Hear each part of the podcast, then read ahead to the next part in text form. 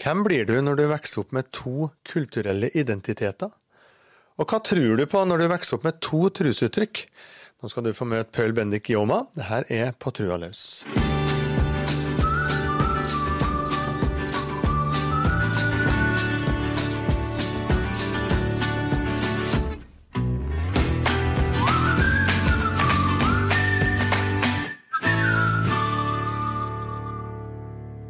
Jeg heter Magne Vik Ramdal. Per Bendik, god dag til deg. Jo, god dag. Eller børebjeie, som vi Ja. sier på sørsamisk. Ja, for du er sørsame. Eh, oppvokst i Røyrvik, helt nord i eh, Trøndelag.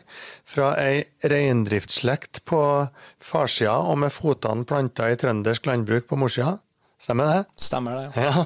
Hvordan opplevde du det å vokse opp med to kulturelle identiteter? Um, jeg opplevde jo veldig fint. Jeg fikk jo ja, tidlig eh, mye ansvar.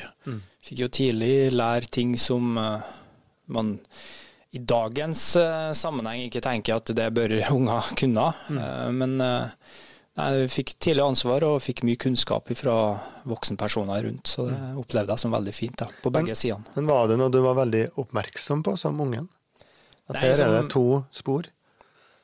Nei, i utgangspunktet ikke. Det, men etter hvert når man vokste opp, så skjønte man jo det at her, her er det fra den sørsamiske sida, for å si det litt enkelt, så, så utlevde jeg mitt sørsamiske liv hjemme blant uh, slektningene mine der. Foreldre og slektninger. Og så når jeg eh, levde det norske livet, så det var jo i skolesammenheng, da, og, de aktivitetene som skolen stilte opp, og fritidsaktiviteter.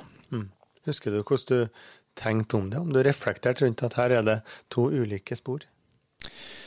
Ja, jeg reflekterte jo mye etter hvert i løpet av barne- og ungdomsskoletida. da. Jeg gikk jo opp i Røyrvik på barne- og ungdomsskolen i ni år. Og eh, kan jo si fra fjerdeklassen en gang da, så man begynte å sånn 10-11-årsalderen, så, så begynte man å forstå at eh, ja, eh, jeg er annerledes. Og eh, eh, det å være årelsame sørsame, det, det på en måte gir en eh, helt annen kulturell dimensjon enn bare det å være eh, trønder og namdaling og, og tilhøre det namdalske eh, jordbruksmiljøet. Da. Var du stolt av den ekstra dimensjonen i livet ditt? Nei, det var jo det som var tungt å bære på mange måter, fordi at du, du følte deg som sagt annerledes. Og så prøvde jeg jo å vakte meg vel for å ikke på en måte fremheve det samiske i meg, fordi at det var jo stigmatiserende, og det var jo, det var jo knytta til mange eh, altså fordommer, eh, oppfatning av befolkninga, majoritetsbefolkninga hadde, da, om at ja, dere var jo på 80-tallet, eh, deler av 90-tallet, så det, det, var jo, det var jo tøft, fordi det å være same var jo ikke noe statussymbol, som det begynner å snurre til kanskje i dag. Det å ha en samisk tilhørighet er noe som er, er mer som eksklusivt. Mm. Så i mange sammenhenger så følte man seg jo som annerledes, men man prøvde jo å smelte inn da, i det norske. og eh, så må jeg jo si at jeg var heldig og, og, og mestra det greit. Og så hadde jeg en annen fordel, at jeg så ikke samisk ut. Nei, nettopp. Men likevel så, så gjorde dine foreldre et valg om at i motsetning til en del av dine andre sørsamiske venner og slektninger som dro til rene samiske skoler, så skulle du og dine søsken være i, i norsk, for å kalle det skolegård, vanlig norsk skolehverdag. Eh, Hva tenkte du om det? Ja, ehm, jeg hadde jo ei eldre søster, mm. og vi vokste opp i lag, fire år mellom oss. Og så når jeg var 17-18 år gammel, så fikk jeg en attpåklatt, en bror. Mm. jeg fikk ikke attpåklatt, men eh, foreldrene mine, ja. ja. og når han kom i femteklassen, så oppfordra jeg foreldrene mine til å, til å eh, søke han inn på sameskolen i Snåsa. da. Ja. På bakgrunn av dine erfaringer? På bakgrunn av mine erfaringer, det, det med eh, Jeg savna å kunne snakke sørsamisk. For det fikk ikke jeg lære på skolen oppe i Rørvika. Eh, og så savner jeg det eh, den eh, sameskolen på Snåsa tilbudet var også den kulturelle kompetansen. Eh, det sørsamiske kulturen som de hadde et større fokus på enn det de hadde oppe i barne- og ungdomsskolen i Rørvik. Mm. Var det vanskelig å ha en sørsamisk bakgrunn og, og være i skolegården? Ehm, ja, på mange måter. Um, vanskelig å forklare hva det var for noen ting, men det var jo ofte noen som kom og dulta jeg litt i ryggen, og spesielt hvis de var litt irritert på deg eller noe sånt, så Det var jo noen ganger man hørte de ordene som lappjævel og samefaen. da. Mm. Um, jeg skal ikke si at det var direkte mobbing, fordi jeg var ganske heldig, da, hvis jeg skal få reflektere over meg sjøl. Det var det at jeg så ikke samisk ut, og så gjorde jeg ganske greit, egentlig, innenfor idrett og eh, ja, prestert bra i skolesammenheng og hadde OK karakterer. og og var litt sånn en glad gutt som ble likt av ganske mange både lærere og medelever. Mm. Og jeg var jo på en måte noe eh, utskudd på noe vis, sånn, så jeg, jeg mingla godt inn og presterte bra på skolen og i idrett og i fritidsaktivitetene, som gjorde at jeg jeg hadde ja, slapp det her verste mobbinga. da. Mm, men likevel en følelse av å være annerledes? Ja, mm. den, den, bar man jo på liksom, i, i, i det daglige. Mm. Fordi man Foreldrene mine bodde en, ja, en drøy mil fra sentrum av, av der skolen var. og Buss eh, til og fra skolen om morgenen og ettermiddagene og kveldene. Og så fritidsaktiviteter på kveldstid og sånt som foreldrene mine kjørte meg på. da. Mm. Ja. For dere bodde altså, som du sier, i et eh, småbruk et stykke unna eh, sentrum, der eh, det drev din eh, far. Eh, og alle hans søsken var inne i reindrift. Det var ei slekt som, var, som hadde en tydelig sørsamisk identitet. Og når du kom hjem dit, så møtte du farfaren din, som bodde rett nede. Hva betydde han for deg? Uh, Ueme Aya, da. Um, Ueme Aya, det betyr? Ja, min avdøde bestefar. Det er ja. som en æresbetegnelse. Mm. For å, å markere overfor dem han forteller til at han, han har gått bort. Mm. Um, Uemyaya, da, en Pelle som han ble kalt på, på bygda, han, uh, han, var en veldig uh, bra rollemodell, um, definitivt. Og så var han en, en, lekekamerat. Og han var en som ga retning i livet, mm. på, på alle mulige måter. Men uansett så når jeg kom hjem fra skolen hvis det ikke var noen spesielle fritidsaktiviteter på ettermiddag og kveldstid, så, så slengte jeg nå bare sekken i gangen hjem til foreldrene mine, og så sprang jeg ned da, den ca. 150 meter unna til, til der hvor bestefar min bodde, en Belle. Og så var han veldig kreativ, og han lot meg få gjøre veldig mye som jeg eh, ja, eh, jeg fikk utvikla Jeg fikk bruke kniv der jeg fikk være med å bære ved og hogge med øks. Og ja, etter hvert så fikk jeg låne snøskoter av en. Og, ja, hvor gammel var du da? Nei eh, Jo, jeg var vel en eh, ja, åtte, sju, åtte, ni år gammel.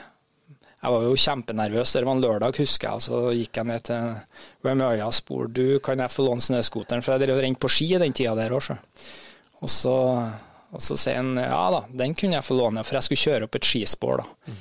Bare ute på innjorda rett utom huset hans. Eh, så sier han at ja, du får låne den, men forutsetningen er at du får starte på den sjøl. Og så sto jeg nå hele lørdagen der og kanskje tre-fire-tida på ettermiddagen etter seks-sju timer å stå og dra på en eh, gammel Articat Jag 4000, så fikk jeg starte, og da jubla jeg. Og da var det nesten sånn jeg visste ikke hva jeg skulle gjøre for noe. Så jeg sprang vi inn til han og fortalte nå har jeg fått start. Ja, så, så, sa han bare ja, men du må være forsiktig.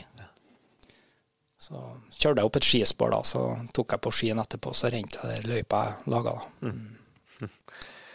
Mestring, øh, og øh, du snakka om den øh, samiske, sørsamiske kulturen som han ga videre til deg. Kan du si litt mer hva innholdet i det var? veldig mye av det innebar respekt og Eller forståelse og respekt for naturen. Mm. Det var som Hvis vi skulle tenne opp, f.eks., så, så var man opptatt av at man ikke skulle tenne opp på plasser der man brente bort maten til rein. Mm. etterpå. Og, og, det var en gang jeg husker vi var ute og tente opp, og så hadde jeg funnet noe mår, altså ved. Og så hadde jeg nå funnet en plass da der jeg skulle tenne opp, men der var det børfje, altså eh, reinlav. Og så kommer han og så sier han nei, nei, her kan ikke du tenne opp. Og så var jeg litt sånn spørrende hvorfor ikke det. Her var jo en fin flekk å tenne opp på, for her var tørt, og her var det liksom passende. Men nei, du får ikke lov til å tenne opp på reinlaven, fordi den Vi kan ikke brenne bort maten til rein. Så da måtte vi finne en annen plass bare en 20 meter unna, da, som det var litt sånn svaberg, så at vi kunne tenne opp på det. Mm. Vil du si at det var et uttrykk for tru som han ga videre til det? Det var det definitivt. Mm. Det han formidla til meg, det var det respekten for naturen. Mm. Og, og i det så var det noe ei gudstru. Mm. Men så var det òg ei samisk eh, naturtru. Og det der med at du skal ikke eh, forbruke mer av naturen enn det du har bruk for akkurat der og da. Mm. Så det var en gang jeg drev og jeg var med, vi skulle tenne opp bål, det var en annen gang, men da knekte jeg noen kvister på et tre som var som, som levende, da. Jeg tok ikke dødt treverk eller tørt treverk. Og Da kikka han litt sånn på meg, og da forsto jeg på en måte at nei, dere Nå hadde jeg plukka feil eh, vedtype, da, for å bruke et norsk uttrykk på det. Så, så da tenkte jeg noen ganger, og det, og det var en veldig sånn det var ikke bestandig han trengte å si ting, men jeg skjønte at ok, her har jeg gjort et eller annet som ikke var helt bra. Men, men han, han, kom ikke inn noe korrigert eller bestemte. Nei. Men tenkte du at det hadde en slags åndelig dimensjon òg? Ja. Mm. Det fikk jeg jo tidlig å erfare i forhold til de historiene han fortalte. Det med, med saiv, f.eks. Eller ja, at uh, Hva betyr det? Saiv? Saive, det er um, Ja, hva betyr det? Jeg syns faktisk det er litt vanskelig å prate om, for det her handler om en respekt for en kunnskap som er blitt formidla til deg, og så, og så, skal du gjengi det på en måte. Det, det er en kan vel si det at det er noe i naturen eller noen åndelige hjelpere, mm. men det kan òg være noe som er litt mer skummelt. Og jeg likte jo litt sånn når jeg var liten å, å høre om Saiv, for det kunne, det kunne, være litt sånn ja, dramatisk, eller hva jeg skal si. Det kunne være litt sånn skumle historier forbundet med det også. Men mange ganger så var det det at man kunne se eller høre eller erfare ting i naturen. Mm. Um, under gitte forutsetninger, som på en måte rettleda dem som som uh, fysiske personene som kom etterpå. Mm.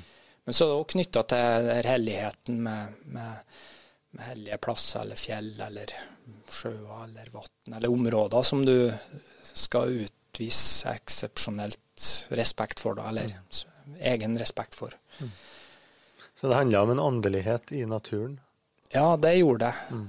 Og um, jeg har jo f.eks. noen ord som heter saivekjolte, eller ja, f.eks. Og det, det, er sånn at der er det et eller annet som du skal på en måte um, vise respekt for, eller du skal ikke tråkke, eller du skal ikke forflytte deg på en sånn måte at du uh, skjender plassen eller området, da. Mm.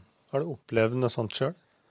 Eh, ja. Eh, men jeg syns det faktisk er litt vanskelig å prate ja. om, for det er noen sånn det er en sånn fjerde dimensjon, mm. hvis jeg skal kalle det for det. Altså det, det, er ikke tredimensjonalt lenger, men det er firedimensjonalt, hvis man mm. kan, kan, oversette det sånn. da, Som gjør at det, det sitter veldig inni um, ens egen tru, eller inn i ens egen identitet. Så det handler òg litt om det med at jeg må respektere dem som har valgt å fortelle, eller de opplevelsene som jeg har, dem er på en måte som eh, privat. da. Ja. Mm. Men når du har opplevd det da i naturen, eller i, eh, i forhold til eh, slektninger som har levd eller et eller annet, er det sånn at du da har, har vært sikker på at dette er det som jeg har lært om dette det. Nå opplever jeg det som jeg har hørt om Saiv.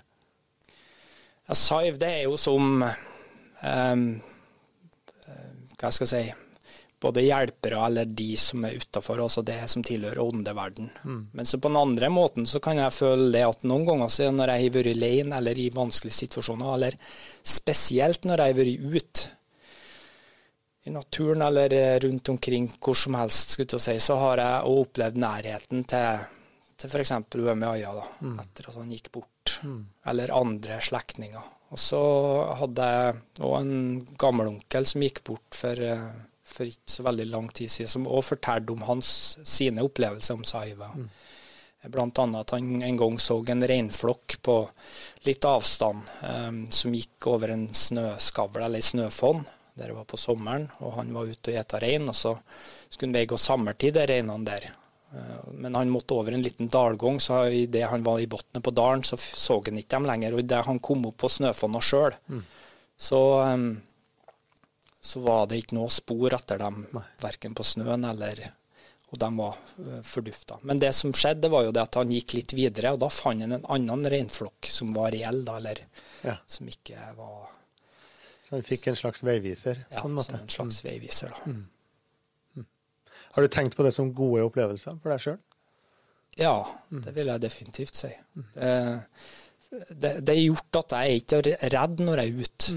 Jeg, kanskje en del er mørkredd og sånt å være ute, men jeg stortrives når jeg, når jeg er ute. Og jeg husker en gang når jeg var liten, så jeg var vel kanskje litt mørkredd, men da da sa jeg til bestefar at nå skal jeg gå hjem, kan ikke du bli med meg? For det var ikke lange biten av 150 meter. Men så sier han nei, men det, det, er ikke noe farlig, så. Du må bare tenke på det at det er noen som har sløkt lyset. Ja.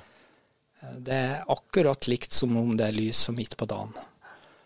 Og Det har jeg tenkt på en del ganger, som gjør at når jeg er ute og det, så, så jeg føler meg trygg, ja. Jeg gjør det. Mm. Og det og det har med det at jeg føler at det er noen med, eller det er noe rundt meg. Mm. Og jeg har òg tenkt på det dette med, med, med, åndelighet og gudstru og den, og jeg føler ikke at det er nødvendigvis er noe motsetningsforhold med den kristne trua og den oppveksten og barnetrua som jeg fikk. Mm.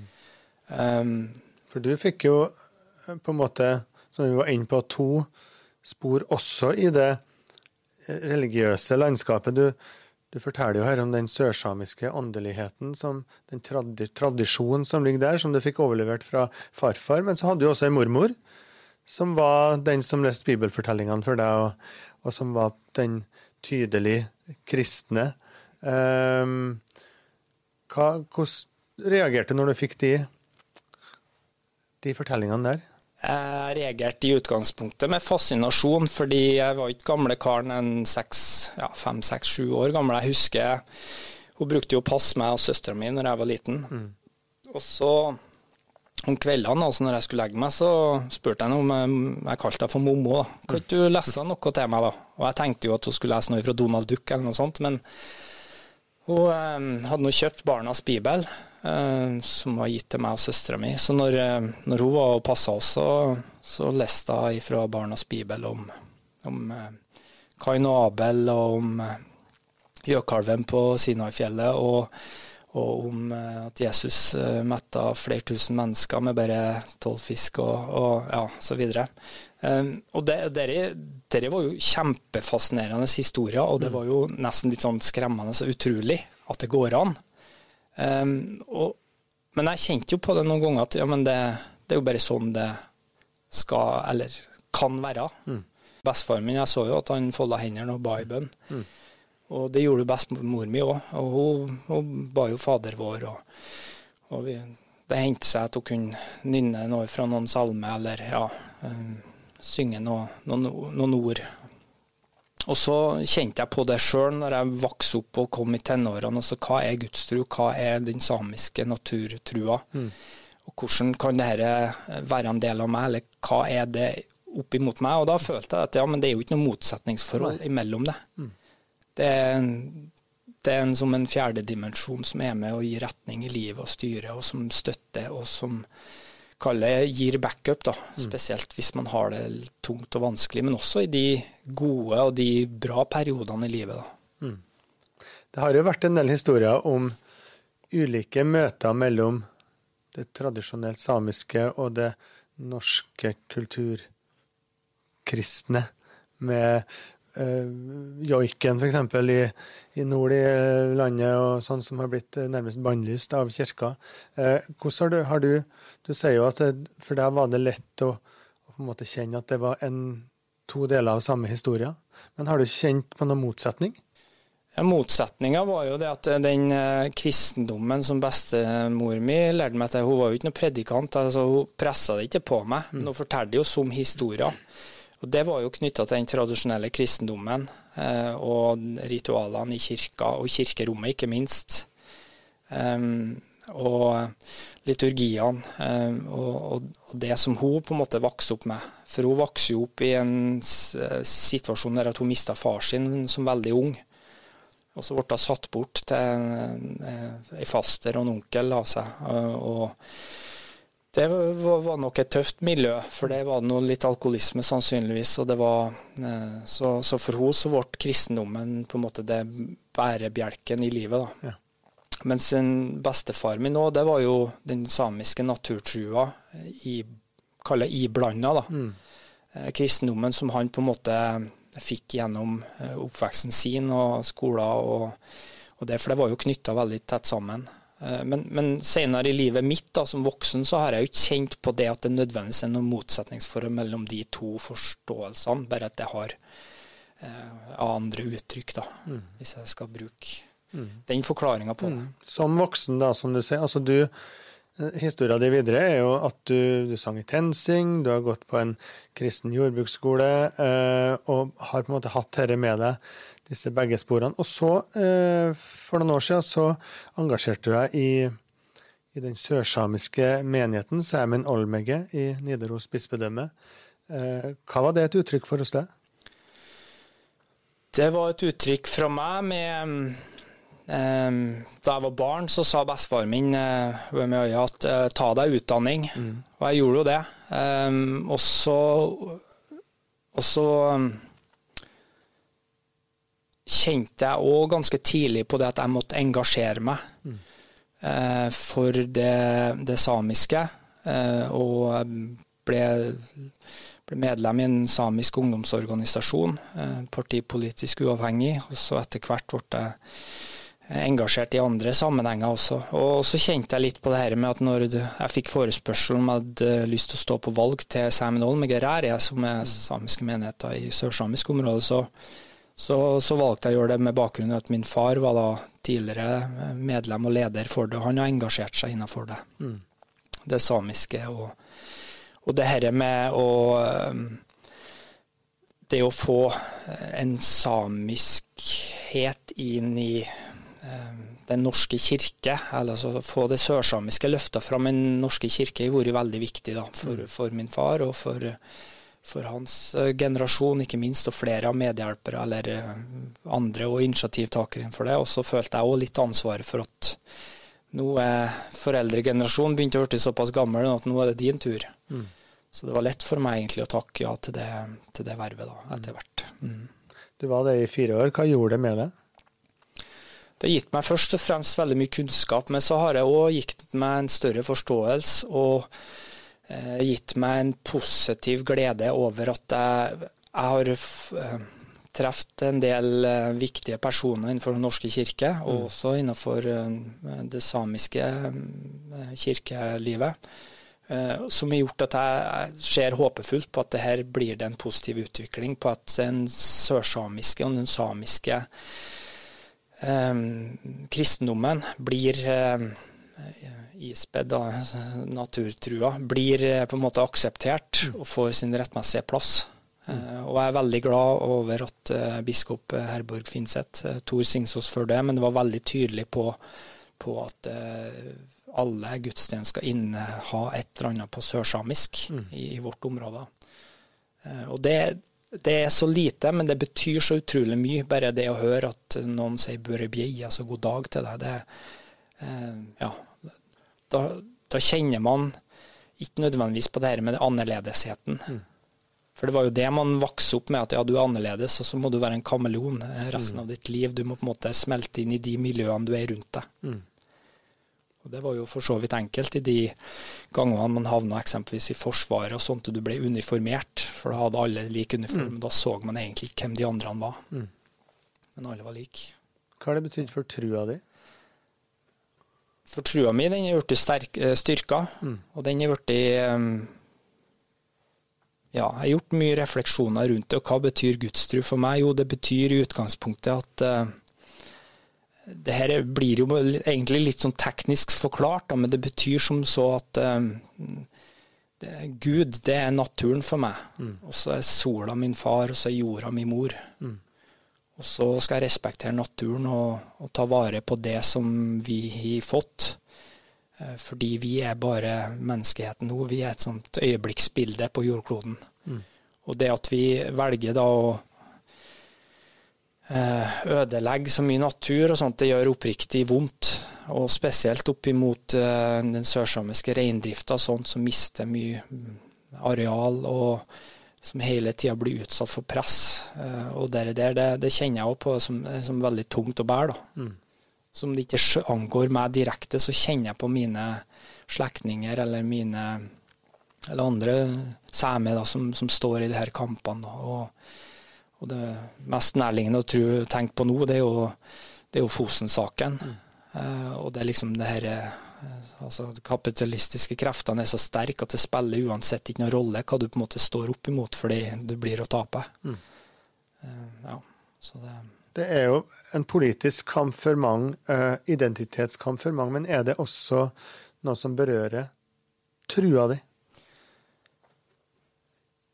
Ja, det berører jo trua mi i den eh, forstand at når jeg ser at bit for bit-politikk fører til at man mister veldig mye områder, altså hyttebygging, det er alt mulig som foregår i dag, handler om at ja, man, skal, man, skal, forbruke ting, og det skal hele tida utvikles. Og, og, nå er det jo kommet nye begreper om det grønne skiftet. Mm. Så blir jeg lei meg fordi at det, det forsvinner eh, naturområder som er viktige. Og så kjenner jeg at i forhold til trua mi, det her med å bevare den mm, naturen som vi har fått, og, og bevare de eh, områdene som vi skal ha til senere generasjoner, er veldig viktig. Mm. Og da ber jeg nærmest til Gud om at noen må ta til vett for å, for å roe ned og bremse litt, fordi det, det her kan ikke pågå, pågå videre. da. Mm. Eh, du er fremdeles eh, i det samiske, også i den forstand at du, eh, du, har noen rein. Du er i kontakt med reindriften fremdeles. Det var jo, som vi snakka om, noe som prega hele de slekt i mange ledd. Hva, hva, betyr det for deg? Det betyr veldig mye for meg. I, jeg var jo eh, såpass heldig å få arv reinmerket etter min far. Mm. Så har jeg noen sytingsrein som ligger under noen søskenbarn av meg, som, som, forvaltes der. Men det er til eget bruk, da, og det er ikke noe som jeg har noe direkte inntekt på. Men det er for å kunne videreføre den kulturarven, forståelsen av hvordan ivareta kjøttprodukter fra rein, og ivareta, ivareta, den kulturen som det òg innebærer. da. Mm det er viktig for meg for å være en del av det, for det, det, er som en del av identiteten min. Mm. Og jeg er som sagt heldig da, og får være med når det på en måte passer meg, da, sammen med søskenbarna mine og, og de andre slektningene. Og jeg, jeg, respekterer dem som driver på med rein, fordi at de kan så utrolig mye. Altså Den tause, uformelle kunnskapen som de sitter og innehar. og det det er ikke noe sånn som du kan ta noe høyere utdanning nødvendigvis for å, å, å lære det heller. Eh, det, og det er jo som en, på en måte en bærebjelke for, for, videreføring av kulturarven til neste generasjon. Det er jo det at man, man får være med i reindrifta og få ta del av det, fordi det er så mye nyanser med det, og det er så mye eh, Ja, det er så mange dimensjoner med det. at eh, hva kjenner du på sjøl, i deg sjøl, når du er med på eh, reinsinnsamling, slakting, forvaltning på, på, alle vis? Ja, det kan jo periodevis være litt fysisk krevende. Mm. Eh, lange dager, lite søvn, kanskje mm. periodevis litt lite mat innimellom også. Og så kan du fryse en god del når det er surt og kaldt og bløtt. Og eh, det er jo slitsomt eh, i, og seg, men, i og for seg, men men så de øyeblikkene der det, du er tørr og varm og uthvilt, og du kan sitte på en kjakk, en fjelltopp, og se utover og eh, få se miser som kommer til på våren, eller kalver som blir født eh, og simler. Og så går sola ned bak en fjelltopp, og, og du ser kalven hoppe rundt på en eh, bærflekk og sprette av gårde. Og så tenker jeg ja, det her er nytt liv. Det, det er sånn det er sånn kalle mikrosekund som bare brenner seg fast i minnet. da. Mm. Som, som, er på en sånn, det, det, er en sånn verdi som er ubetalelig. Mm. En åndelig opplevelse. Det er òg en åndelig opplevelse. Mm. Det, det, å få se nytt liv komme Altså, det gir, det gir et håp, og så gir det en sånn god refleksjon rundt hva er, det, hva er min rolle her, i, her på jorda akkurat nå. Tusen takk skal du ha, Paul Bendik Jåma. Ingen Gehto. Tusen takk.